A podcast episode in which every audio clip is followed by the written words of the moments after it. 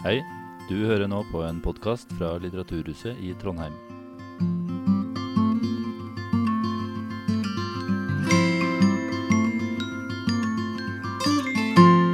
Ja, hvis det er lyd på mikrofonen eh, nå, det er det, så tror jeg vi kan eh, ønske hjertelig velkommen til eh, i kveld. Mitt navn er Trond Aam og er daglig leder for Litteraturhuset i Trondheim. Og vi arrangerer da temaet sexarbeider og samfunnsborger.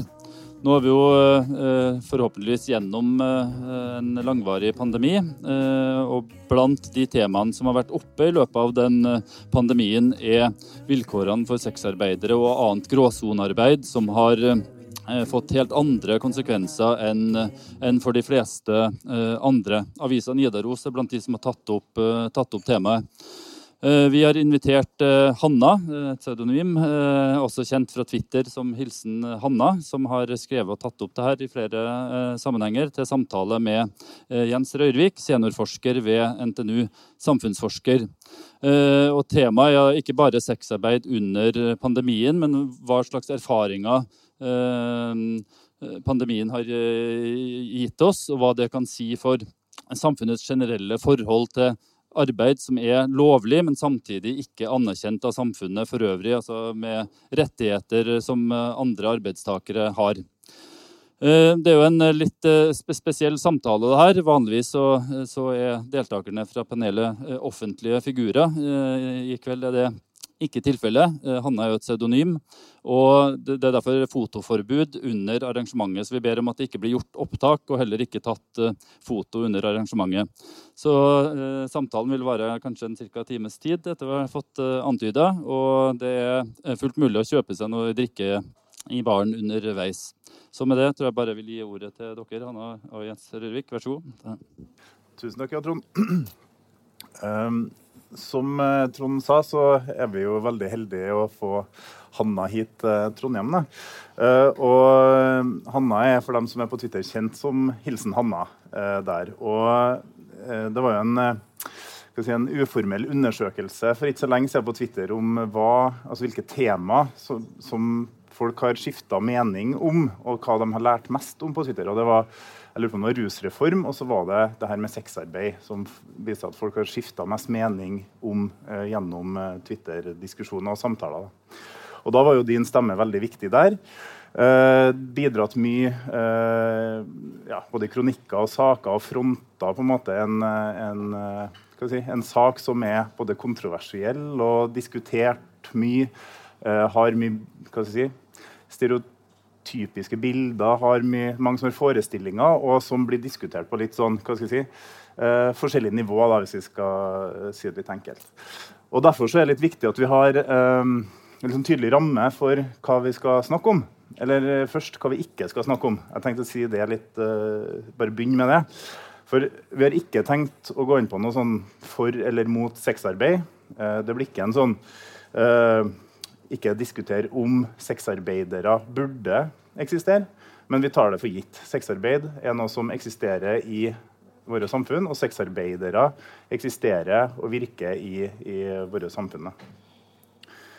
Og sikkert til mange skuffelser da, så tror jeg det blir mer den arbeidsdelen uh, av sexarbeidordet vi kommer til å gå inn på. Ikke så mye uh, sexbiten i, i det. da. Uh, og som Trond har nevnt, så blir det på en måte om arbeidet og kanskje gråsonearbeidet og den måten å leve på eh, med de rammene. Og så tenkte jeg egentlig at vi kunne starte der eh, Trond slutta introduksjonen sin, om eh, fotoforbud. For det er jo litt eh, spesielt. Eh, hvorfor, eh, kan ikke vi, eller hvorfor er det egentlig fotoforbud her? Ja. Eh, jeg må bare først av alt få si tusen hjertelig takk for invitasjonen. Tusen takk for at dere har lyst til å ha meg her i, i samtale om dette temaet, som, som, jeg vet at det er veldig kontroversielt, som du, som du, sier.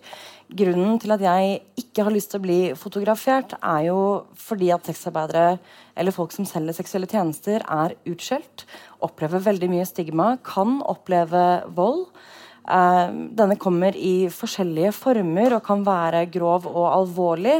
Uh, jeg har også mottatt mer enn nok drapstrusler for resten av livet mitt. Og, og, jeg orker ikke mer av det. Så jeg kan ikke bli gjenkjent, og jeg vil ikke bli gjenkjent. Det er veldig slitsomt. Jeg vil også kunne gå på f.eks. Rema 1000 og kjøpe meg mat uh, uten at noen kommer opp og roper 'jævla hore' i, i ansiktet mitt. Um, det, det, setter jeg pris på. Så har du jo f.eks. incels, som mener at vi burde dø. Uh, som har egne forum hvor de deler bilder av oss og, og med sånn blink på. Eh, og gjerne dusør under. Jeg har ikke lyst til å være en del av det. Eh, et annet problem er jo sånn som nå. Jeg er jo kjemperedd for at noen fra det hotellet jeg bor på, skal være her. fordi da kan du fort bli kastet ut av det hotellet. Du får ikke pengene tilbake, selvfølgelig. Det er det jo bare å glemme. Eh, og det gjelder uansett om du har jobbet der eller ikke. Så de, dette er jo ganske store konsekvenser. Det er uh, høst i Trondheim, det er ganske kaldt ute. Uh, jeg har ikke noe lyst til å sove på en parkbenk. Uh, så derfor så Med alle, dette, alle disse grunnene så, så, er det veldig fint om vi lar være med, med bilder. Så for å ta det utfordring å prøve å holde seg unna både eh, sosiale medier og alt annet på telefonen i denne eh, tida hvor vi har eh, samtalen. Eh, men, eh, så det er viktig å høre, høre, etter og ikke ta bilder og heller ikke ta opp telefonen. Det, eh, blir litt usikker av det. Men i, i, tillegg til at det er viktig, så sier det jo et eller annet om måte, den posisjonen eller den, hvordan det livet er. Og det handler om kanskje noe rundt lovverk, og det handler noe om anerkjennelse, noe rundt stigma. Det handler om mye forskjellig, akkurat det der med, med, med si, uh, At du må ta den type forholdsregler. Da. Og eh, jeg tenkte Først så kunne vi snakke litt om måte, ja, det praktiske og hverdagen. Og, men før liksom, vi begynner med liksom, konkrete, enkle ting, så er det noe som jeg tror jeg og veldig mange andre lurer på. Og det er er det lov, egentlig, med sexarbeid? Så enkelt, vanskelig spørsmål. Oh, eh, teknisk sett eh, så er det lov til å motta penger for å utføre en seksuell tjeneste. Men, men det er bare akkurat det. Akkurat den ene tingen er lov. Alt det som er rundt, er veldig, veldig vanskelig. Det er bl.a. Eh, det å annonsere for sexsalg har en strafferamme på seks måneder. Og da tenker jeg at da er du kanskje ikke så veldig lov allikevel. Eh, vi lever jo mye i en kontantøkonomi. Eh, hvis vi prøver å sette inn de pengene, så kan vi eh, bli anmeldt for hvitvasking. Eh, og da mister vi jo selvfølgelig kundeforhold med bank, og da mister vi også bank-ID. Jeg vet ikke når dere brukte bank-ID sist. Antageligvis i dag, i går, foregårs. Noe sånt. Eh, så det er også veldig vanskelig å skulle leve i det. Det er ulovlig å jobbe sammen. Eh, det er ulovlig å Jeg kan ikke kjøre en venninne på jobb. Eh, jeg kan ikke hente en venninne på jobb. Jeg kan ikke jobbe sammen med henne. Jeg kan ikke hjelpe henne å skrive annonsen sin. Det er hallikvirksomhet. Mm. Så er det lov eh, Altså gråsone. Veldig, veldig gråsone. Og for å måte, jobbe som sexarbeider, og jeg vet ikke om du kan snakke konkret om deg sjøl, men sånn generelt, så er det vanskelig å gjøre det uten å måte, bryte loven? Ja, det er det. Det er nesten umulig. Eh, og, og, sånn burde det jo ikke være, syns jo jeg. Eh, men ja, det, det, er vanskelig. Og det er til enhver tid en del avgjørelser som du er nødt til å ta, og gjerne i det minuttet. Og så må du prøve å overveie ok, hva er viktigst. Er det å hjelpe en person, altså en kollega, som da ofte gjerne er min venn, er det det som er viktig, eller er det det å inkriminere meg selv? Eh, jeg ender stort sett på at å hjelpe noen som trenger hjelp, det, det er viktigere for meg Um, men jeg har ikke veldig lyst til å bli rammet av hallikparagrafen, som er seks år i fengsel. Men der er vi. Ja. Um, og det er jo på en måte litt rundt det der hele samtalen skal dreie seg. Altså det er lovlig og ikke lovlig litt samtidig. Og det er liksom uh, ja, en del av et samfunn, men ikke helt del av et samfunn, og på hvilken måte. Uh, men eh, også før vi, litt før vi kommer liksom inn på det konkrete og ditt liv og, og, det praktiske, så Du er jo her på en måte for å snakke fra en sexarbeiders perspektiv og på vegne av sexarbeidere? Ja, nei. nei.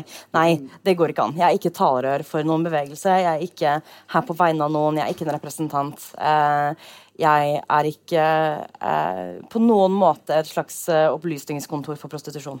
Eh, vi har et eget kompetansesenter. De heter Prosenteret. De er et nasjonalt kompetansesenter. Hvis, hvis, noen skal snakke på vegne av noen, så får det være dem. Eh, jeg eksisterer som en privatperson. Jeg kan ikke ta på meg å snakke for andre. Det er det veldig få av oss som egentlig burde, med mindre vi har fått eksplisitt beskjed og tillatelse om å gjøre det. Men det blir jo ofte gjort på vegne av sexarbeidere. Oh yeah. Uh, men uh, hvem er sexarbeiderne, hvis du ikke er representant for dem? Sexarbeidere er folk som selger sex. Det, altså, jeg, jeg, vet at det er ganske sånn flåsete å, å, å, skulle si det, men jeg får jo ofte spørsmål som Men hva er det disse menneskene har til felles? At de selger sex for penger. Det alle sexarbeidere har til felles, er at de har solgt sex for penger. Ellers enn det så er vi en veldig variert Altså, vi er ikke en gruppe engang. Vi er bare altså, en mengde mennesker som har gjort disse tingene enten nå eller tidligere i livet. Vi har ingenting annet til felles enn det. Det er folk av alle kjønn, seksualiteter, nasjonaliteter. Eh, veldig mange cis-kvinner, selvfølgelig. Majoritet av det. I Norge så er det aller flest migranter. Uh, nå har jeg bare tall fra 2008, og vi er i 2021, så det er litt vanskelig å skulle lene seg på det. Men de fant at det var prosenteret. De fant at det var om lag 80% av de som solgte sex i Norge, det var migranter. Men altså, vi står jo ikke i uh, noen SSB-oversikt. Det fins ikke. Uh, så det er utrolig vanskelig også å skulle generalisere om hvem det er. Så igjen, det vi har til felles, vi har på et punkt i livet tatt imot penger eller andre ting for sex. Eller seksuelle tjenester, eller noe som blir ansett som sexarbeid. Ja. Men øh, hvis vi allikevel skal generalisere litt, da, ja. uh, og tenke litt rundt sånn ulike konsekvenser for ulike sexarbeidere, da tenker jeg kanskje ja. spesielt for migrantsexarbeidere versus ja, norske. da. Ehm, så er det vel allikevel noe sånn signifikant skille der når det gjelder liksom lov og konsekvens og den type ting. Ja, jeg står ikke i fare for å bli deportert lenger, fordi jeg er i Norge nå. Uh, så det er fint.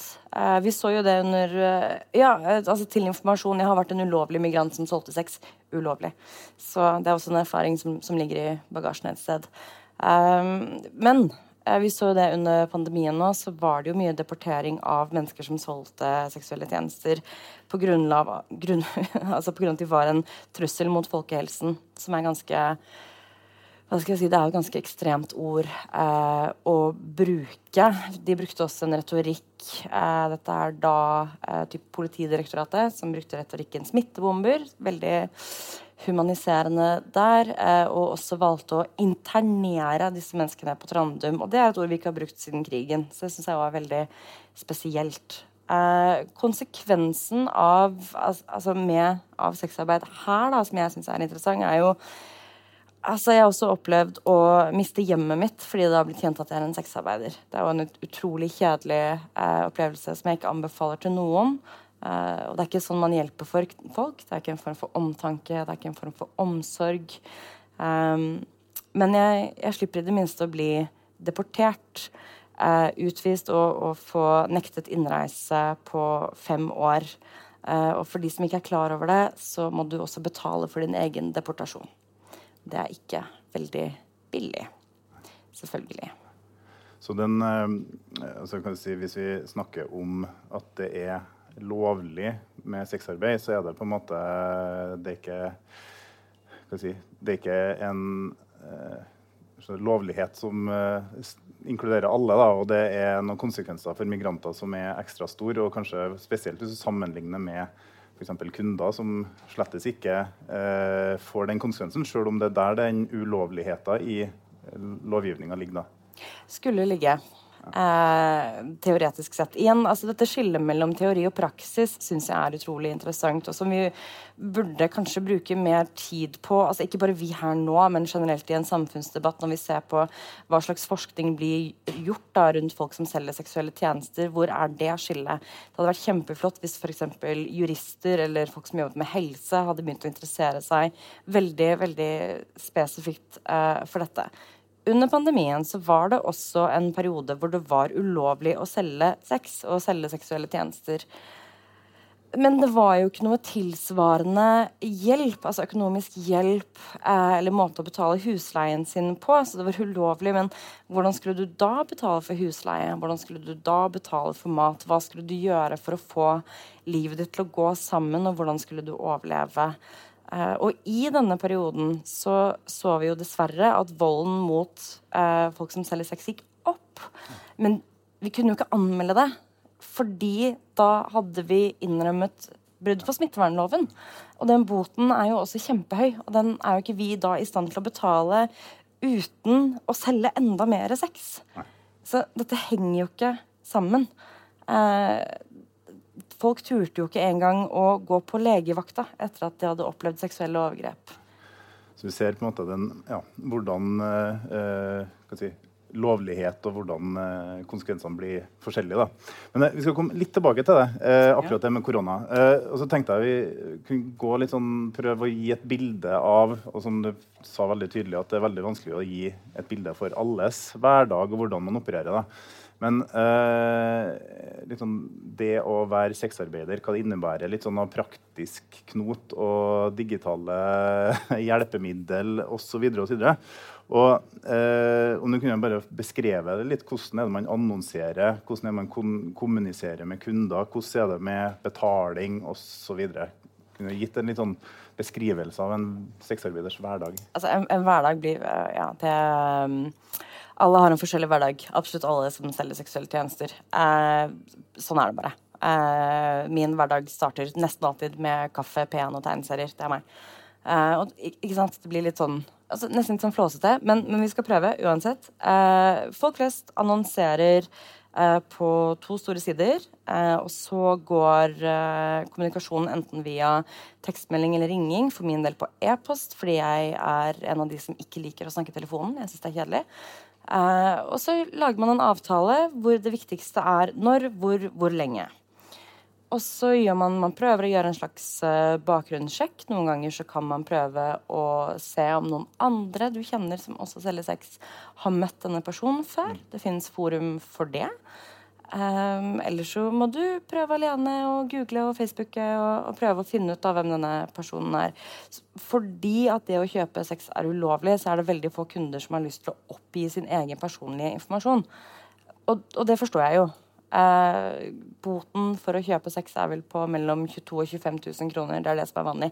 Ingen har, så, så vidt jeg vet, uh, til dags dato havnet i fengsel for å kjøpe sex. Mm. Eh, det er en bot. Du får ikke noe kriminelt rulleblad heller. Du bare betaler en bot. Det er et forenklet eh, Hva er det for noe? Forlegg. Forlegg. Thank you. Uh, ja, og så sminker du deg, tar med en veske. Prøver å få en god opplevelse. Det er det. Mens andre igjen eh, fortalte meg tidligere her har eh, egne promovideoer. og det, det, er veldig sånn ulike måter å, å, å, ha kontakt og gjøre booking og sånt på. Ja, og det, igjen, det spørs så utrolig på, eh, på hvor du er, eh, og, og, grunnen til at du selger sex, og hvem du er, og hva du har lyst til. Det er jo folk som har egne nettsider med altså fotoshoots som jeg bare kan drømme om. Det ser ut som, som de er i Vogue, liksom. Det er, det er kjempestilig. Nå kommer jeg med liksom, mobiltelefonen i, i, på badet med vaskemaskin i bakgrunnen. Det er jo ikke det samme. Eh, så, så noen gjør det på den måten og har altså en karriere og et mål og kanskje noe de sparer til. Eh, og så har du de som, som tar kunder litt sånn hipp som happ, og så ja, gjør det når de må. Helst ikke noe mer enn det. Jeg er også litt der. Ja. Uh, hvis jeg ikke trenger å jobbe, så jobber jeg ikke. Som, som, de fleste andre. Hvis jeg ikke må jobbe, så er det kult å kunne gjøre andre ting, liksom. Ja. Uh, ja. Mm. Og hva med penger, akkurat det der er jeg litt opptatt av. Er det det, har du en kortmaskin, eller er det kontanter? Eller, altså, hvordan foregår det? Setter du inn i banken? Det, altså? du, du, tror en kunde hadde vært villig til å bruke sitt eget kort? Jeg tror det, ja. nei, nei, det er jo ikke det. Jeg har ikke noen kortmaskin. Jeg tar stort sett uh, kontanter for min egen del, og det gjør de aller fleste av oss når man jobber direkte. Mm. Uh, så har du jo en annen side av sexarbeid. som er, Nå har jo Onlyfans vært kjempediskutert og oppe og i debatt.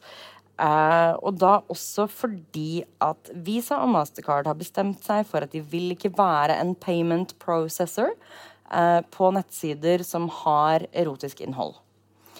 det er veldig vanskelig for oss. Uh, jeg, jeg, kjenner at jeg blir litt sånn blir litt irritert. Som tvinger oss tilbake over i en kontantøkonomi. men vi lever snart i et kontantløst samfunn. Jeg vet ikke hvordan det var her under pandemien, men i, Oslo så kunne du jo ikke betale med kontanter på Kaffebrenneriet engang. Uh, så du har kanskje kontanter, men du får ikke brukt dem. Eh, jeg kan jo heller ikke sende husleia mi i en konvolutt. Jeg er nødt til å sette de inn på en konto. Men igjen så kan vi da komme inn i det problemet at bankene ser at du har innskudd eh, som du ikke nødvendigvis forklarer. Eh, og så tenker de ok, dette her er hvitevasking, og nå har ikke du eh, tilgang til et bankforhold lenger. Eh, blir anmeldt for hvitvasking og har derfor ikke bank i det. Så du sitter jo på en måte uansett i en litt dårlig situasjon. Uh, og vi vil antageligvis alltid ha mennesker som, som, bruker kontanter, eller med andre ord ikke er i en situasjon hvor de har tilgang til et kundeforhold med en bank. For det er et privilegium som ikke er unt alle her i verden. Og da syns jeg egentlig vi er litt over på den liksom, situasjonen som eh, blir ekstra tydelig da, i korona når korona kommer og treffer eh, samfunnet, inkludert eh, sexarbeidere. Og det er noe vi har snakka en del om på forhånd, altså om hvorfor eh, koronatida og tiltakene og det som ble gjort for å bekjempe pandemien, og hvorfor det ramma sexarbeidere på en liksom spesiell måte og eget. Og det ene var det her med lovgivninga.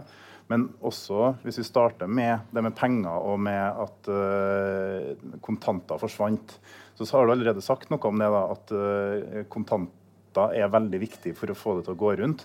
Men når da korona kom, og dere måtte forholde dere til det, gikk det? Altså Nei. For veldig mange så gjorde det jo ikke det. Det er jo mange som har slitt helt utrolig mye. Det er folk som har mistet leilighetene sine. Det er folk som har måttet flytte inn hos kunder eh, under pandemien. Fordi de har ikke hatt mulighet til å betale husleie. Uh, det fins ja, Jeg har ikke lyst til å gjøre det her til noen sånn kjempesubstory, fordi det er for mye av det. Vi, vi, nesten alt som man snakker om Vi kan godt snakke om disse konsekvensene, men jeg orker ikke at alt skal bli enda en ny sånn derre Å, de stakkars små Altså det Ja, det, det, blir litt mye. Men selvfølgelig er det folk som har hatt det helt jævlig. Selvfølgelig er det folk som har mistet hjemmene sine, som har slitt med å spise eh, som har slitt med å sende penger tilbake til familier i andre land, om det er foreldre eller sine egne barn. Dette har hatt kjempestore konsekvenser for oss.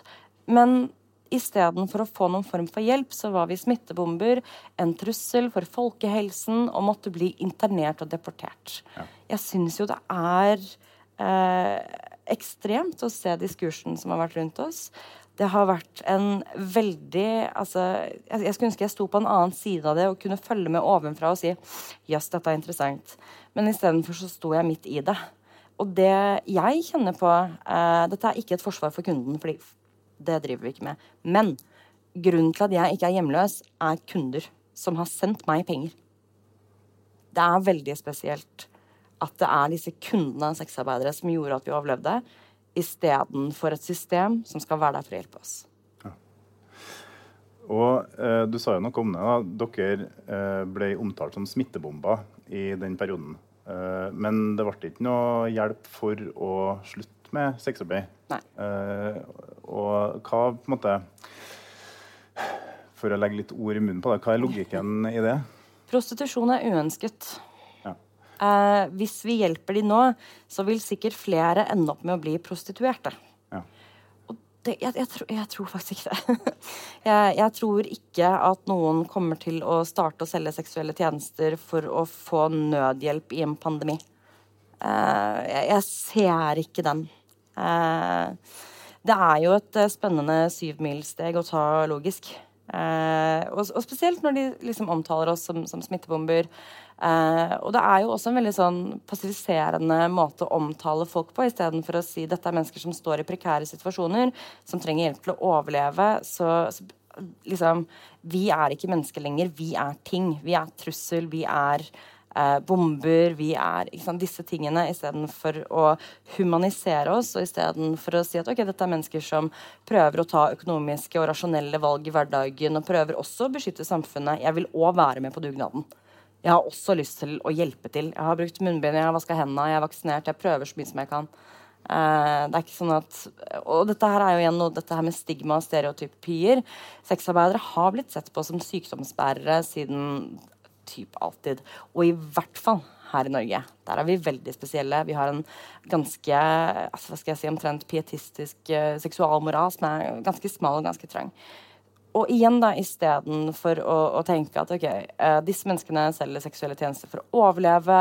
Uh, hvis vi skal hjelpe dem, og hvis vi skal hjelpe samfunnet, så kanskje vi kan gjøre det slik at de slipper å selge seksuelle tjenester under pandemien.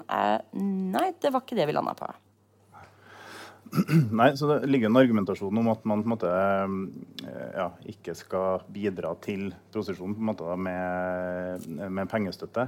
Men, Men, jeg må bare, det som skjer da, er jo det vi måtte gjøre fordi at vi ikke fikk noen form for hjelp, var jo å selge mer sex for penger.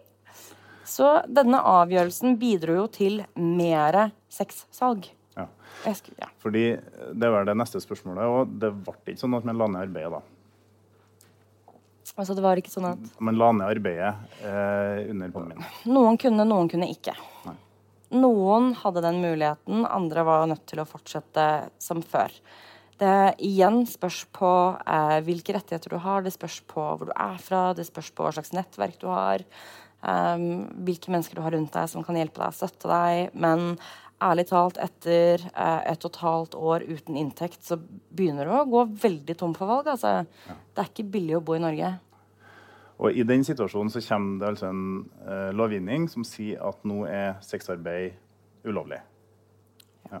Og hva, eh, Du nevnte litt tidligere, da, men hva er konsekvensen av det? Altså at plutselig så er sexarbeid, som i seg sjøl har vært på en måte lovlig, eh, er dermed helt ulovlig altså, som jeg sa, konsekvensen var jo eh, økt vold.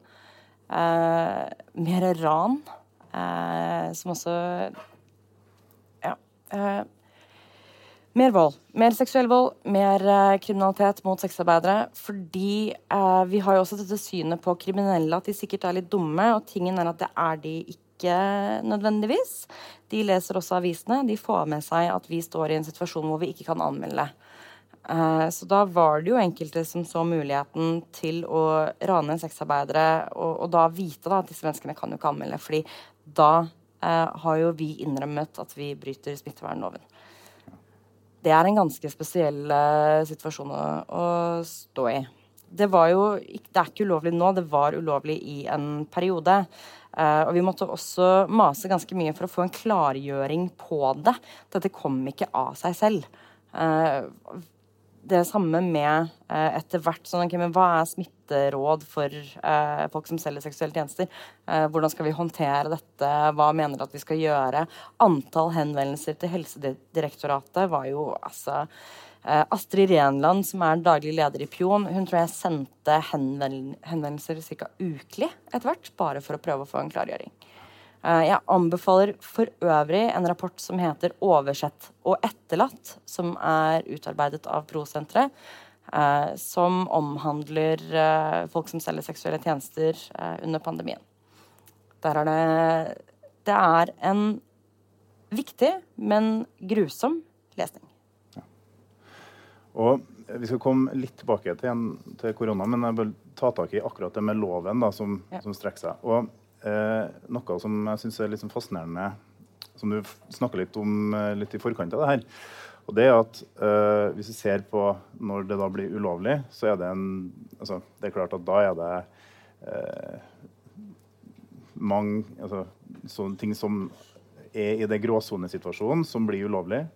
Eh, og i hodet mitt da, så er det på en måte en, en linje fra det ulovlige til måte, den situasjonen vi er i dag, og til en måte, til legalisering som måte, gjør situasjonen bedre og bedre. Men etter å ha snakka litt med deg, så skjønte jeg at det er jo en, en, en misforståelse fordi at det her er både mennesker og en måte å tjene penger på som eksisterer nettopp fordi det er utenfor det regulerte arbeidslivet. Ja. Kunne du bare forklart meg, for Det er veldig interessant at det her med avkriminalisering versus legalisering. Ja, jeg kan i det minste prøve. Dette dette er ganske store eh, hva skal jeg si, eh, altså juridiske definisjoner. Eh, og jeg er ikke en jurist, eh, men jeg kan gjerne prøve. Så mange sier jo at ah, vi må få det i ordna forhold. Vi er nødt til å prøve å, å, få kontroll på dette her, og da må vi legalisere. Legalisere er en modell som de bruker i bl.a. Uh, eh, Tyskland, Amsterdam, uh, tidligere i Victoria i Australia. Et uh, par andre land. Det aller vanligste er for øvrig å kriminalisere både kjøp og salg av sex. Det er det som stort sett skjer rundt hele verden. Legalisering betyr at ja, det er lov til å selge sex og kjøpe, men kun på de måtene som vi setter og syns at det er greit. Blant annet eh, så vil det være lov til å selge og kjøpe seksuelle tjenester eh, kun i enkelte områder av en by. Sånn som I Victoria Australia så kan det ikke være eh, hva er det for noe, 500-600 meter eh, i nærheten av en barneskole eller en kirke. For dette er umoralsk. Så, så hvis du selger sex eller kjøper sex altså, nærmere enn dette, så er det ulovlig. Det setter også en del altså, hindre for hvem som kan selge sex, eh, som igjen gjør at enkelte sexselgere blir kriminelle. Og det er ikke nødvendigvis en situasjon som i det minste jeg ønsker. Jeg ønsker ikke at vi skal eh, straffe og gjøre kriminelle ut av mennesker eh, som selger sex for å overleve økonomisk i en verden som kan være ganske vanskelig å navigere for mange av oss. Avkriminalisering betyr at vi fjerner disse kriminelle lovene og heller setter det inn i f.eks. arbeidsmiljølov eller lov om helse, disse tingene, slik at det er ikke lenger eh, ulovlig å selge sex selv om du er i nærheten av en barneskole, eller selv om man er eh, tre mennesker som jobber sammen, eller fire mennesker som jobber sammen. Legalisering betyr for øvrig også ofte at ja, dere kan jobbe sammen, men hvis dere er mer enn fire mennesker, så må dere søke om en lisens, og den lisensen pleier å være veldig, veldig, veldig dyr. Uh, men jeg vil også bare si at avkriminalisering betyr ikke at det er fritt fram. Avkriminalisering betyr ikke ikke at nå kan du gjøre sånn som du vil. og nok, altså En type blankofullmakt. Det er ikke dit vi skal. Det er ikke der vi er. En avkriminalisering er også en start, ikke et fullstendig sluttprodukt. Det er bare starten på en lengre samtale om hvordan vi har lyst til å ivareta sårbare mennesker. Det er ikke en fix all. Virkelig. For det er så mye mer som vi må gjøre etter det. Men når vi, først, altså når vi snakker om det juridiske, så ønsker jeg meg en avkriminalisering, ikke en legalisering. Ja, og Hvis vi tar tak i bare litt mer da, om hvorfor du ønsker en avkriminalisering, så er det på en måte at legitimering, altså en, en, en legalisering, det eh, på en måte gir et lovverk rundt det som gjør at veldig mange da vil være i ikke-legal eh, ikke sexarbeid. Sant? Og eh, da snakker vi om på en måte at her er det folk da, og, og en måte å tjene penger på som ikke fungerer innenfor de måte, rammene som eh, legalisert arbeidsmarked er. Og som igjen tenker jeg er litt sånn som er liksom lignende for mange typer si, gråsonearbeid, type liksom, folk som ikke har papirene i orden. Jeg tenker ofte på det her med papirløse flyktninger, f.eks. sammenligna med sexarbeid. Er det, er det en, en, en, ligning du er enig i?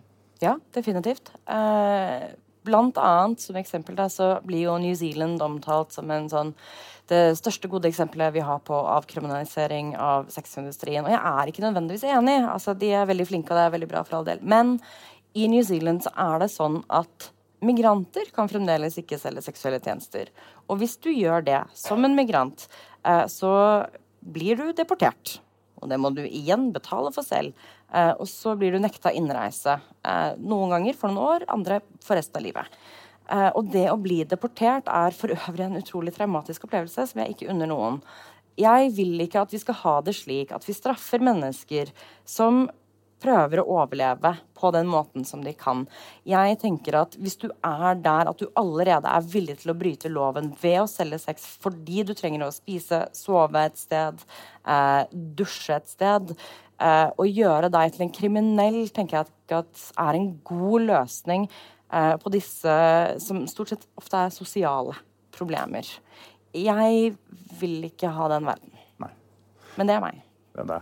Og, eh, men si, en, eh, et videre tanke som eh, i hvert fall slår meg da, når, vi, når vi snakker om det her med skal si, arbeidet, arbeid og arbeidsmarkedet, så eh, er det samtidig som du liksom ikke ønsker en, eh, eh, ønsker en avkriminalisering.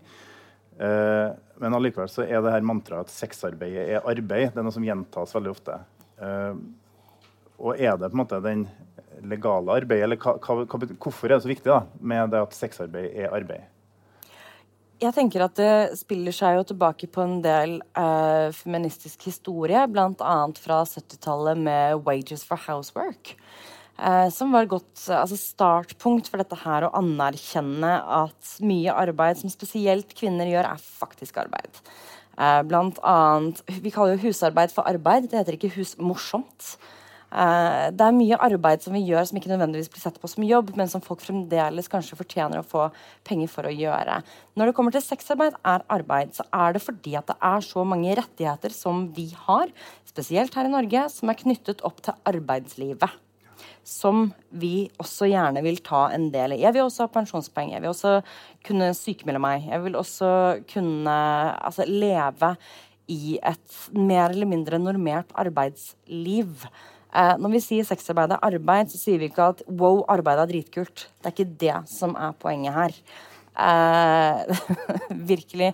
Og det er heller ikke slik at å ja, sexarbeid er arbeid, det er som alt annet arbeid. Det er det ikke. Sexarbeid er veldig forskjellig fra veldig mye annet arbeid, og det er helt greit. Vi må også kunne tenke at okay, dette er stort, komplekst og ofte paradoksalt. Det er greit, og så må vi være i stand til å sitte med det en stund. Sexarbeid er arbeid fordi det er noe man gjør for å tjene penger. Jeg har fremdeles ikke funnet en god definisjon på arbeid som ekskluderer sex som arbeid. Jeg tenker at vi er nødt til å kunne anerkjenne dette. Jeg kunne tenke meg å jobbe i litt mer rydda former. Jeg kunne tenke meg å ikke være redd for å miste leiligheten min igjen. Eh, jeg kunne godt tenke meg uh, å som sagt uh, få pensjonspoeng, kunne sykemelde meg, og under pandemien permittere meg. Det hadde vært kjempeflott. Men der er vi ikke i dag. Og det med sexarbeid og arbeid handler også om migrasjon. Sånn som nå, hvor vi deporterer, internerer først, og så deporterer mennesker for å selge seksuelle tjenester. Om vi hadde anerkjent dette som arbeid, så hadde vi jo kanskje ikke vært der. Nei, for det, ja, det, det er rett og slett det andre reaksjoner og andre måter å håndtere det på som er legitimt. For og som kanskje er mer humane. humane. Og, eh, og, det var jo ikke sånn at det var bare å gå til Nav og få en redningspakke når korona kom. Nei, det var jo ikke det. Igjen, eh, de, altså, rundt 80% så vidt vi vet, av de som selger sex i Norge, er migranter. De har ingen rettigheter på Nav uansett. Så det, det var ikke så mye for dem å gjøre der. Dessverre. Men eh, hvis vi fortsetter litt med det her arbeidet og arbeidsliv bare for si, det, er jo, det er jo mer enn penger òg, det her med arbeid. Det er noe med kollegaer og fellesskap og så videre. Har du det? Ikke nå. Eh, ikke nå lenger. Det er jo ikke lov til å jobbe sammen. Det er jo halvvirksomhet. Men jeg har hatt det. Jeg har jobbet på et bordell, eh, og da hadde jeg det. Og det er noe med eh, å få lov til å fungere i hverdagen sammen med andre mennesker. Um, det er veldig få av oss som trives alene hele tiden uh, resten av livet. Jeg likte veldig godt å kunne komme på jobb og drikke kaffe med kollegaer, prate sammen. Eh, hjelpe hverandre i, i, arbeidshverdagen. Og med hjelp så mener jeg Altså, jeg skal ikke være vulgær her, men, eh, men, det er enkelte ting som man Antrekk, f.eks., som man kan trenge hjelp med. Men også dette her med å snakke om grensesetting. Også dette her med å snakke om hvordan håndterer du folk. Og bartendere gjør for øvrig dette her ganske ofte. Sånn, sånn håndterer du en mann som har drukket altfor mye øl og tatt altfor mye kokain. Vær så god, her er din opplevelse. Type vektere også kanskje har hatt den opplevelsen. Og vi som jobber innenfor sexindustrien, kan ha den opplevelsen. Eller andre. Som man snakker om i fellesskap og prøver å finne gode løsninger på. Eh, og det er noe med det å få lov til å være en del av noe større enn deg selv. Det sosiale eh, med kollegaer. Eh, og de blir jo en del av, av hverdagen din og, og, livet ditt. Og folk som du bryr deg om. Eh, og det, det tror jeg jeg i det minste, jeg savner det nå. Jeg savner å jobbe sammen med andre mennesker. Um, er, jeg er jo en person som liker å være mye alene, for all del. Men det kan bli ensomt også. Men uh, du har jo beskrevet at det fins en altså, egen humor, egen måte å prate på, litt sånn egen kultur si, på den måten, og til og med en konferanse. Oh, ja, du tenker på um, World of Warcraft. Uh, fra spillet World of Warcraft der, for de som ikke har vært en del av det. Uh, ja, det finnes mange, mange mange konferanser uh, hvor man møtes og snakker om spesielle ting. Vi har workshops, vi har show, vi har burlesk, vi vi har våre egne kunstfestivaler. så det er jo en kultur. Selvfølgelig er det det. Og det er også fordi det er så mange av oss rundt omkring i verden. vi søker jo etter å møtes. Vi søker etter å kunne dele erfaringer, jobbe sammen. jobbe politisk, jobbe sosialt. Eh, alle Sexwork yoga, kjempegøy. Uh, helt herlig. Hva er det? Altså, det er sexarbeidere som driver med yoga. Okay. Det, altså, det er ikke verre. Var ikke vanskelig. Så for meg noe spektakulært her. Ja. Neida. Men det her miljøet, da, og den her på en måte, si, ja, miljøet av de her menneskene eh, under koronaen, var det noe Gjorde dere noe for hverandre når, det, liksom, når de, Nav ikke hjalp til, når det ikke var noen redningspakke? Gjorde dere noe for å måte hjelpe hverandre? Selvfølgelig gjorde vi det. Eh, det er jo en, en, slags spøk om at vi har den samme 500-lappen som bare pass on. Eh, fra person til person til person hele tiden. Eh, man prøver jo selvfølgelig å ta vare på hverandre. Vi startet jo en kronerulling i Eller jeg sparket i gang litt uoffisielt og tvang Pion til å ta stilling til at jeg hadde startet en kronerulling. fordi noen ganger så må du det. Noen ganger så må du bare sette i gang ting. Også for de som er ansvarlige, bare get it together. Og vi samla jo inn uh, 100 000 kroner, men da fikk vi jo gitt 1000 kroner til 100 mennesker. Og det er ikke så mye, egentlig. Men vi prøvde jo. det var jo. Vi har jo våre egne forum selvfølgelig på, på nett. Og det var jo forsøk på å, på å, få ting til å gå sammen. Noen snakket om er vi nødt til å sende eh, 1000 e-poster til Helsedirektoratet. Er vi nødt til å eh, Altså, hva er det som er nødt til å skje før folk våkner opp og hjelper til? Eh, og det viser seg at ingenting var på en måte nok, da.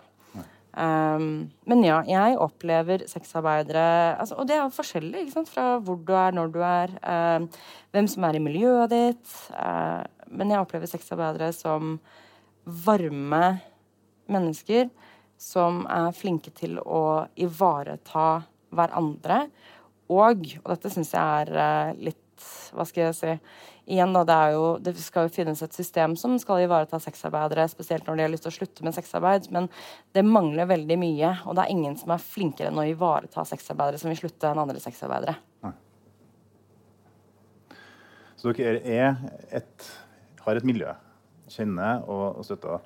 Uh, og det som kanskje jeg, har veldig lyst til at vi skal fokusere litt på, det er uh, Hvis vi ser for oss det her uh, si, Vi er nå i en situasjon hvor det er et arbeidsliv som på en måte eksisterer fordi det er lovlig, men ikke helt. sånn at man på en måte tjener pengene på en litt annen måte enn det med pleie, det med kontanter, det er ja, Men samtidig et miljø som funker. Uh, men så er det ikke noe tvil om at vi lever i en verden som blir uh, altså, erobra av digitale uh, måte, teknologier. Av, det blir en annen type kontroll, en annen type ja, registrering av alt som gjøres av økonomiske ja, tjenester, bevegelser, hva som helst. Og jeg kunne tenkt meg litt å høre om det. da. Eh, hvordan er det denne måten å være i verden på eh, blir påvirka av eh, hva skal jeg si da, den digitale erobringa? Altså, noen ganger er det veldig tydelig, og, og andre, sånn som nå, da, sånn, ikke ta bilde av meg, ikke, ikke legge meg ut på Snapchat, ikke legge meg ut på Facebook eller Instagram, og, og liksom, vær så snill med det. Um, og andre ganger så er det jo altså, Det skjer når du bare ikke tenker på det, og så bare Å, oh, shit, skjedde det? Blant annet når du er min kunde, og så setter du på din egen Spotify-playliste, og så kommer navnet ditt nederst. Og det tenkte jeg liksom ikke på før jeg sto i, i det. Da. Bare, ok, yes, der er vi. Mm, den er god. Um, og så har du jo f.eks. grenseoverganger. Uh, hvis jeg skal reise til Statene, noe jeg ikke har planer om, så må jeg avinstallere Twitter, Instagram og e-postkontoen min. For det går de gjennom. Ja. Og det tror jeg ikke folk flest trenger å gjøre. Jeg tror ikke det er liksom noe folk tenker så, så veldig mye på, da. Nei. Men disse tingene er nødvendige. Og eh, Hvis vi tenker ikke bare livet ditt, da, men også kanskje migrantsexarbeidere. La oss også inkludere liksom, papirløse flyktninger eller andre som på en måte er avhengig eller lever livene sine på den måten. Da. Er det, er det mindre spillerom, hvis vi skal si det på den måten? Jeg syns det. Jeg syns det er veldig trangt. Eh, jeg syns det er fryktelig kjedelig å alltid måtte være den som sier nei, nei, nei, jeg tar bilde av dere. Jeg, jeg gjør det. Ikke ta meg. Jeg syns det er um, vanskelig når, når, jeg liksom er sammen med, med, folk som jeg kanskje ikke har møtt før, da, og så snakker de om en eller annen på Twitter. Jeg bare ha, den tiden. Nei, jeg er ikke på Twitter. Jeg kjenner ingen som er på, på internett i det hele tatt. Uh, det er ikke meg. Uh, eller hvis noen spør sånn Å, er du på Instagram? Så må jeg alltid si nei. Fordi jeg som privatperson har ikke en Instagram. Jeg, jeg har en sexarbeider-Instagram. Eller jeg har ikke det engang. Altså Instagrammen min har ingenting med sexarbeid å gjøre. Det er masse planter. Um, for det er det jeg faktisk bryr meg om sånn ellers. Um, men man kan liksom ikke være hele seg selv. Det er utrolig kjedelig å hele tiden måtte liksom snevre deg selv inn og gjøre deg selv mindre, sånn at du ikke skal bli oppdaget. Uh, og vi hadde jo altså Det er jo denne, denne vitsen med at storebror ser deg. Ja, vet du hva?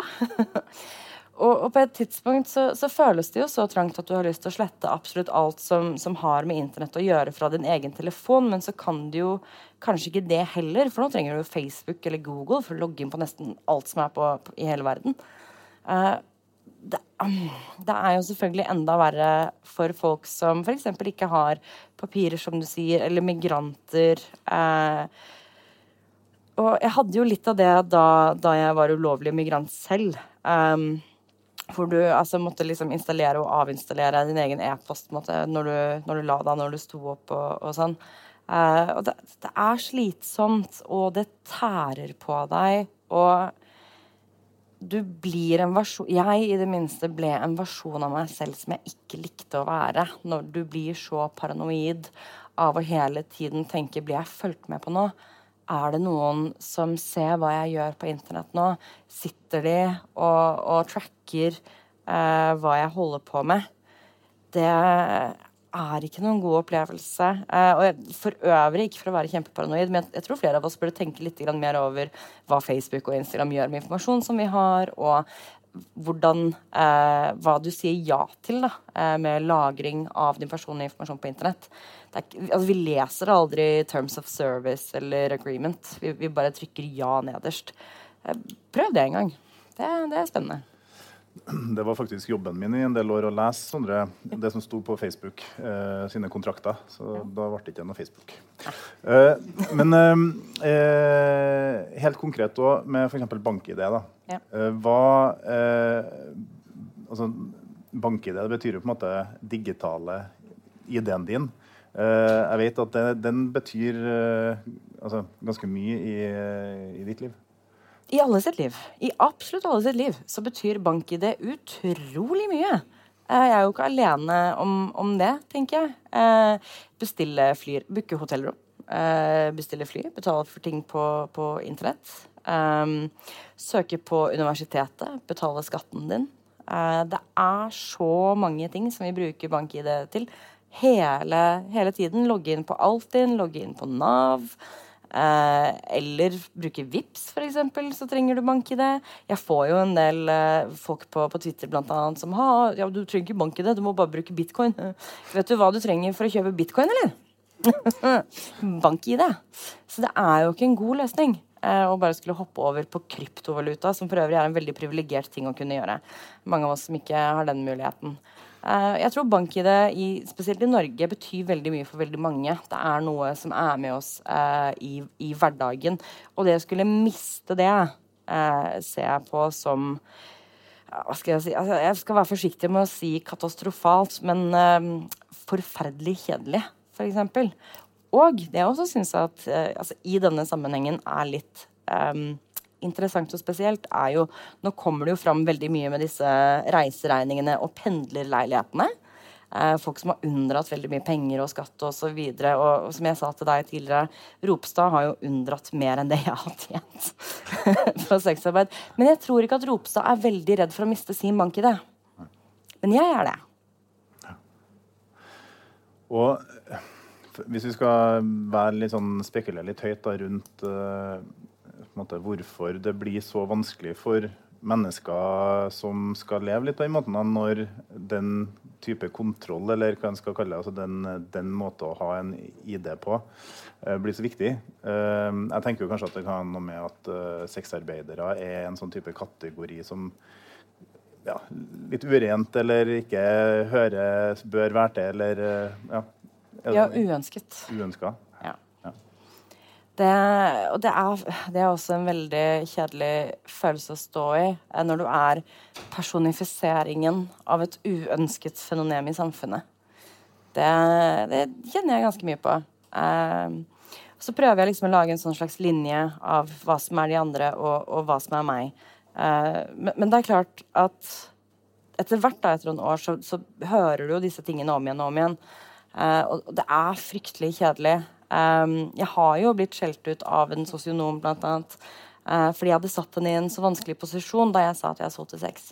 Uh, for hun mente at jeg var en kriminell, for hun hadde ikke fått med seg det at å selge sex er lovlig. Hun mente at begge var ulovlige. Så vi har jo folk som, som sitter oppe i systemet, som ikke kan disse lovene engang. Mm. Da begynner vi å, å, å, slite en del med å skulle hjelpe de menneskene som selger seksuelle tjenester. Um, og det, altså det, å være uønsket, det tror jeg ikke er gøy for, uh, for noen. Um, jeg har jo, altså, som, jeg, som jeg også sa, uh, hørt mitt uh, eget underliv beskrevet som en søppelkasse. Det er noe med Jeg lurer ofte på OK, er dette en, en oppførsel som folk tillater seg å gjøre mot hvem som helst? Eller er denne atferden reservert for folk som selger sex? Fordi folk får seg til å si ganske mye rart og ganske stygge, stygge ting om folk som selger seksuelle tjenester, spesielt kvinner. Fordi menn som selger sex, fins jo ikke, tydeligvis, i, i den offentlige debatten. Uh, og, og, det gjør at vi går glipp av veldig mye kunnskap sånn, på, på, på, siden der, uh, når vi ikke tar med det inn i, inn i ligningen. Uh, men, men, folk sier altså så utrolig mye stygge ting om kvinner som selger seksuelle tjenester. Um, og da får jeg litt lyst til å på en måte minne dem på da, at eh, du har mer til felles med meg eh, enn du har med milliardærer. Eh, du har nok mer til felles med meg eh, enn det du har med dine store forbilder. Eh, det er ikke så mye som skiller oss helt, egentlig. Eh, jeg tipper at de fleste i dette rommet her hadde ikke klart å gå tre lønninger uten å være ganske frustrerte og til slutt begynne å bli litt desperate etter hva faen gjør jeg nå? Og hvordan skal jeg klare å betale for alt det jeg må betale? Mange av oss har eh, studielån, vi har husleie eller boliglån, vi har innboforsikring, kanskje vi har barn, kanskje vi har eldre, kanskje vi har andre ting i livet eh, som gjør at vi er nødt til å tjene penger. Eh, og det å skulle skjelle ut og si utrolig stygge ting om folk som prøver å faktisk ivareta seg selv og overleve økonomisk Jeg syns også at du må være et ganske spesielt menneske for å gjøre det. Det sier også, tenker jeg, eh, mer om de som skiller oss ut, enn det gjør om oss. Men hvis vi på en måte eh, går fra det å skjelle ut til å på en måte hva skal jeg si da, gjør gjøre noe, gjør, gjør noe med det. Jeg, si, jeg vil litt tilbake til korona. og ja. eh, En ting er nå liksom lovverkene og digitale verktøyene og liksom de tingene som kommer, men også hvordan det håndteres. Eh, du fortalte bl.a. om eh, enkeltfolk som eh, tok liksom voldsomt initiativ til å, til å, til å gjøre noe med, med sexarbeid og sexarbeidere med liksom hjemmel i Eller uten hjemmel, men med legitimert gjennom nye lovverk. da. Jeg tenker på f.eks. en politimann som Å, oh, gud bedre. Ja. Eh, det var en politimann Jeg husker ikke om det var i eh, Haugesund eller om det var i, i Stavanger, sånn i, i, farta. Der var det eh, en politimann som begynte å sende tekstmeldinger eh, til telefonnumre som han fant i annonser. Eh, og sa at eh, dere må slutte å selge sex, ellers blir dere deportert og dere kan bli bøtelagt. Og dette her var da sex ikke var ulovlig. Eh, og så skrev han også da at dette her er eh, med pålegg fra, eh, fra fylkeslegen. Eh, og så var det noen som tok kontakt med denne fylkeslegen, og, og, og legen sa da dette har jeg aldri sagt. Eh, dette her har jeg aldri kommet med et pålegg om. Så her har folk da tatt loven i egne hender for å, å hindre sexsalg. Um, ja, altså, jeg holdt på å si jeg, for, jeg, forstår fristelsen, eller kanskje ikke det, men jeg skjønner jo at folk har så mye mot sexsalg at de velger å gå dit. Men det er litt spesielt når det er folk som sitter i en offentlig posisjon, og som vi egentlig skal kunne stole på, som, uh, som gjør det. Mm. Det er fryktelig kjedelig. Sånn at i den, altså Det jeg vil prøve å si noe om, da, det er at uh, si, den kategorien sexarbeid og sexarbeidere er, er på en måte mer uh, gyldig å bruke sånn hårde midler for å gjøre noe med. Og så til og med litt sånn, uh, gå litt lenger enn loven tillater. Sant? Ja, definitivt. Um, og jeg opplever jo at folk snakker veldig mye over oss og på vegne av oss. Og lager hva skal jeg si, altså policies eller lovverk uten å konsultere oss. Og det, det er veldig vanlig. Um, det var jo i uh, Forrige fjor så var det en stor konferanse som feiret uh, ti år med sexkjøpsloven. Um, ingen sexarbeidere var invitert, og vi fikk uh, eksplisitt beskjed om at vi var uønsket. Det er vanlig. Det, dette skjer ganske ofte. Eh, og det virker som om på en måte målet helliger middelet veldig her. Eh, fordi at prostitusjon er et uønsket fenomen i samfunnet, så kan vi gjøre nesten hva, som, hva vi vil, fordi det er egentlig til det beste eh, for de som selger sex. Og det er jo en infantilisering som jeg syns er fryktelig kjedelig også måtte tåle. Eh, jeg tenker også at Folk kunne kanskje lært litt mer hvis de spurte oss direkte om hva er det du egentlig trenger for å slutte å selge sex. Hvordan fikser vi det? Istedenfor å si nei, nei, du vet ikke hva du trenger. Jeg tar det valget for deg uh, uten å konsultere med deg først. Og det er ikke så veldig mange andre grupper vi tillater oss å gjøre akkurat det med. Og det er jo egentlig, Vi hadde en liten sånn samtale i går, og da var det en ting du sa som traff meg personlig veldig. Du snakka om at du var så lei av eh, litt sånn akademikere som uh, syntes det var interessant med sexarbeid. For hva ville Marx ha sagt om det? Uh, og, for det var så interessant. Mens det som er så interessant, det er jo på en måte livet ditt, og, og er litt alvorlig. da. Og uh, de tingene som jeg har hatt liksom lyst til å snakke om her, det er jo det, det med liksom livet i mellom det som er, si, det er både lovlig og ikke lovlig. Det er eh, regulert og kanskje mer og mer kontrollert. Da. Men hvis vi skal eh, det ikke sånn hva som er interessant, men hva som eh, altså, Hvordan man skal kunne eh, gjøre, gjør det til en bedre eh, situasjon for en sexarbeider. Og spesielt hvis vi tenker på sånn type ja, eh, digitaliseringskontroll, eh, juridisk eh, liksom størrelser. Er det noe, liksom, noe, viktig å fokusere på? det? Det er så mange ting. Er, altså, hvor, hvor, mange timer? Eh, det er, det, er, så mye vi kan gjøre. For det første så tenker jeg at vi kan ikke bli gjort til kriminelle når vi jobber sammen.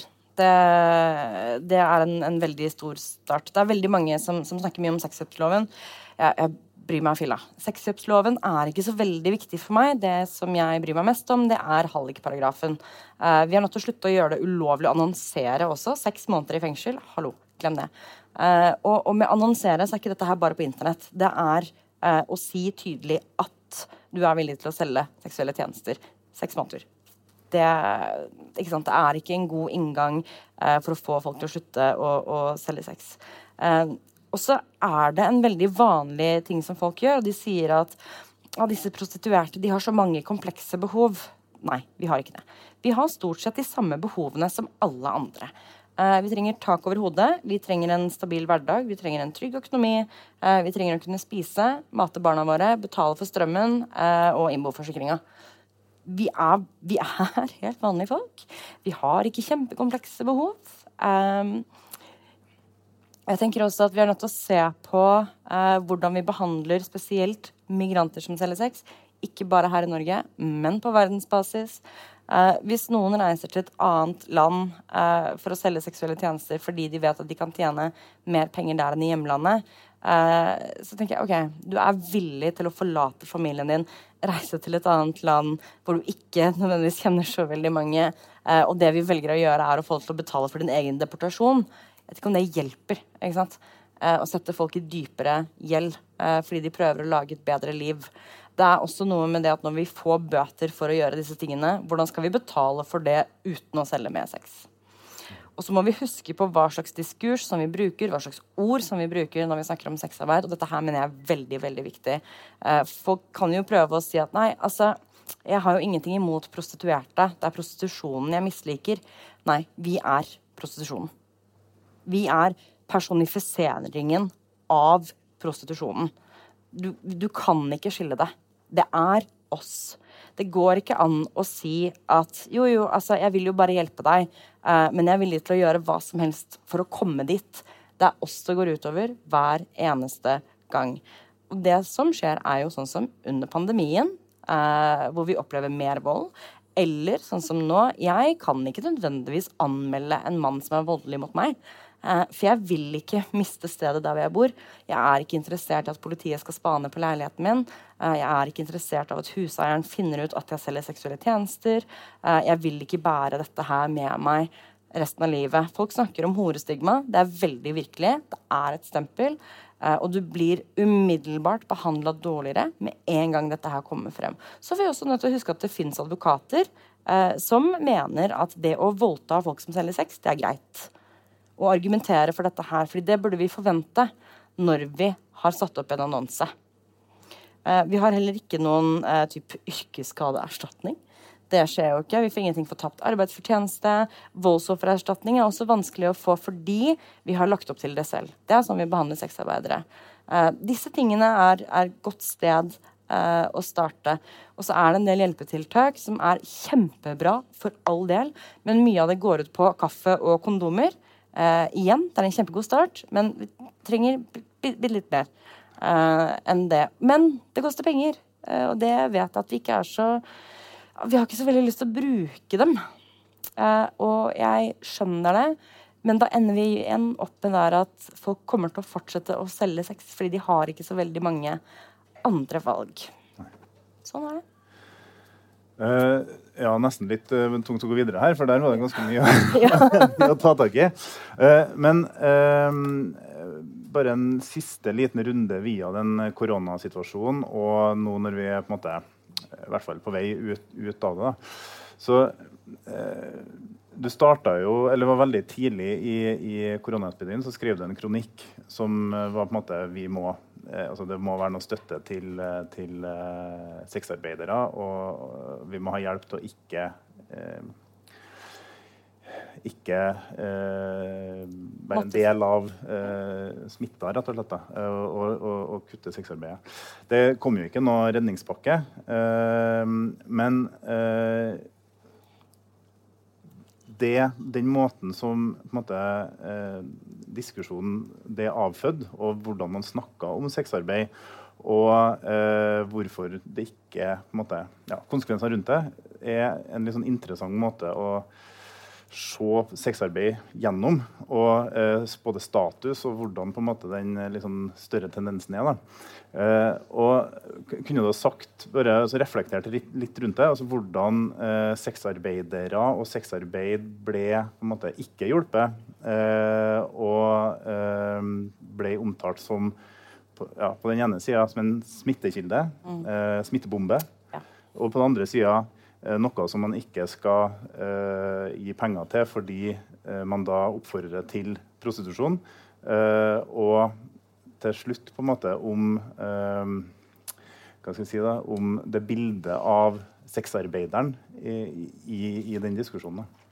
Stort spørsmål, men uh, Ja, jeg var litt sånn uh, Bare bitte litt. Uh, jeg føler Vi har jo snakket veldig mye om det allerede. det at volden gikk opp, det at vi ikke fikk noe hjelp, det at vi ble omtalt som, som smittebomber, og det at um, folk ble ble deportert, måtte flytte inn hos kunder, og det at vi ble avhengig av kunder istedenfor å få mm. hjelp fra staten. Um, jeg syns det er veldig spesielt dette her med at disse Vi, demo, vi demoniserer jo også disse mennene som, som, mm. kjøper seksuelle tjenester. Og igjen, det er ikke et forsvar for kunden, fordi det er ikke interessant for meg å gjøre. Um, men det er jo grunnen til at jeg klarte å komme meg gjennom. Det er grunnen til at jeg ikke er hjemløs. Det er grunnen til at jeg uh, hadde mat på bordet. Um, jeg syns det var symptomatisk å se på hvordan både staten og uh, storsamfunnet uh, snakket og tenkte om sexarbeid da disse tingene begynte å bli diskutert. Det tok jo bitte litt tid, men, men, så kom jo diskusjonen for fullt.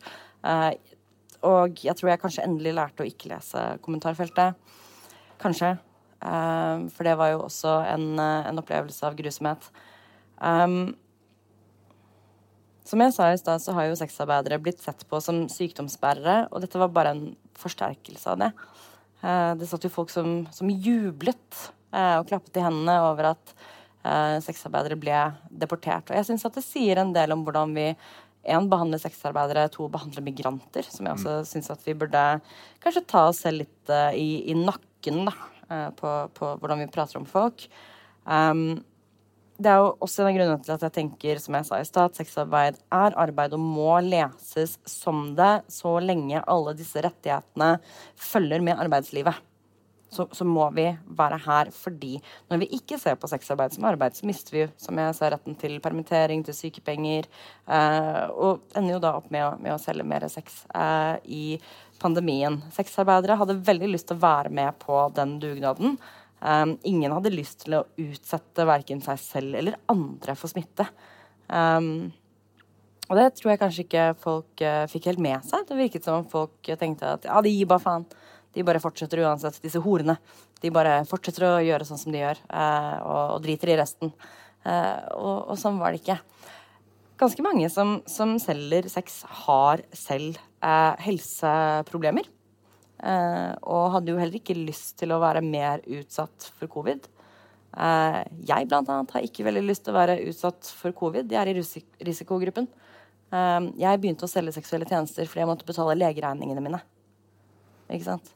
Uh, noe som jeg vanligvis ikke snakker så veldig mye om, fordi da får man en veldig sånn 'Å, stakkars Hanna', og det er det ikke. Nei. Men denne måten som vi behandlet altså Jeg syns at vi på en måte bygget veldig sånn opp, og så kom det liksom veldig sånn Oi, nå får vi endelig se det i det store lyset. Og så bare falt det igjen også. Uh, vi, vi, belyste på en måte samfunnsdiskursen. Vi belyste mange av disse negative innvirkningene som vi har uh, med måten som vi behandler sexarbeid på i Norge. Og så bare falt det veldig flatt. Og nå begynner vi å komme etter pandemien. Uh, og jeg venter jo fremdeles på en unnskyldning fra disse menneskene som kalte oss for smittebomber og trussel for folkehelsen og sånn. Og det, det, kommer jeg aldri til å få. Um, og det visste jeg jo for øvrig. Men jeg, jeg skulle jo ønske at uh, For nå vet vi at ok, dette her var denne pandemien. Det kan hende det kommer flere. Uh, at vi lærer noe, at vi tar det med oss, og så tenker vi ok, men hva gjør vi neste gang? Mm. Hvordan bygger vi opp et, et, slags tiltak, eh, et slags system hvor vi kan ivareta helsen til disse menneskene. Mange marginaliserte, sårbare, som ikke nødvendigvis har så mye nettverk i Norge. Eh, ikke har så mange andre muligheter for å overleve økonomisk. Hvordan gjør vi det? Hva trenger vi da? Og da tenker jeg vi burde se på erfaringer som er gjort av bl.a. Prosenteret med den rapporten som de hadde. Vi er nødt til å snakke med Gateteamet, vi er nødt til å snakke med Kirkens Bymisjon.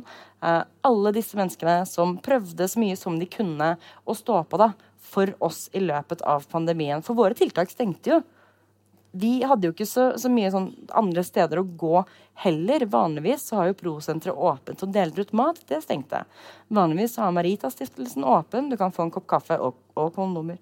Uh, og du kan også komme og få klær, du kan snakke med noen. Det stengte. Alt stengte. Vi hadde ikke noe sted å gå. Um, og Prosenteret sa jo også at de var jo overkjørt. De hadde jo plutselig blitt Eh, en slags form for eh, Nav-kontor, smittevernkontor eh, og typ akutt nød psykisk helsehjelp. som er litt utenfor det de vanligvis gjør. Altså, pandemien tok jo oss alle med storm. Vi, vi var ganske mange som, som satt der 13. mars og bare Å, oh, shit, hva gjør vi nå? Uh, og sexarbeidere spesielt. Jeg skulle ønske at vi prøvde kanskje mer å, å ivareta Eh, de av oss som står i disse situasjonene. Og så vil jeg gjerne si bare bitte litt om dette her som, som, samfunnsborger. Fordi vi er i samfunnet. Og det har vi alltid vært. Jeg vil ikke at vi snakker om, om prostitusjon som verdens eldste yrke, for det tror jeg faktisk ikke at det er. Um, men vi er i samfunnet, enten folk liker det eller ikke. Og jeg tror ikke at vi kommer til å forsvinne med det første. Så det hadde vært veldig fint om folk kan prøve liksom, Istedenfor å vi skal utrydde prostitusjon, så kunne du jo tenkt at OK, hvordan ivaretar vi best mennesker som selger seksuelle tjenester? Det er to fundamentalt forskjellige veier inn i dette problemstillingen som vi har, dette fenomenet som vi har, og i hvordan vi behandler mennesker. Fordi så lenge vi blir sett på som et problem, personifiseringen av problemet, så vil det ikke være en OK eller vennlig behandling av oss. Det er ingen grunn til at ikke det skal kunne snus. Det, dette kan vi gjøre. Vi kan snu om på hvordan vi behandler, ivaretar og omtaler folk som selger seksuelle tjenester. Men vi må starte med oss sjøl. Eh, veien er ikke gjort av seg selv. Og så tror jeg folk tenker sånn Ja, ja, men neste generasjon kommer til å klare det, og de kommer til å være bedre enn oss. Eh, nei. nei. Hvis alle generasjoner hadde vært bedre enn den forrige, så hadde vi vært perfekte nå. Det er også å kaste veldig mye støv på all den beinharde jobben som folk rundt i verden driver med, for å prøve å snu dette Hva skal jeg si fokuset. Prøve å snu måten vi behandler sexselgere på. Eh, det er kjempetung jobb. Eh, men vi er nødt til å starte. Hvis ikke så fortsetter vi sånn som vi er nå. Det er uholdbart. Jeg vil ikke ha det sånn, men jeg trenger litt hjelp fra andre. Vet du, Det var så godt oppsummert. og ikke minst det fokuset på samfunnsborgerbiten mer enn sexarbeiderbiten. Så jeg tror eh, vi sier tusen takk til Hanna der. Og så ja, gir vi en applaus der. Takk skal du ha.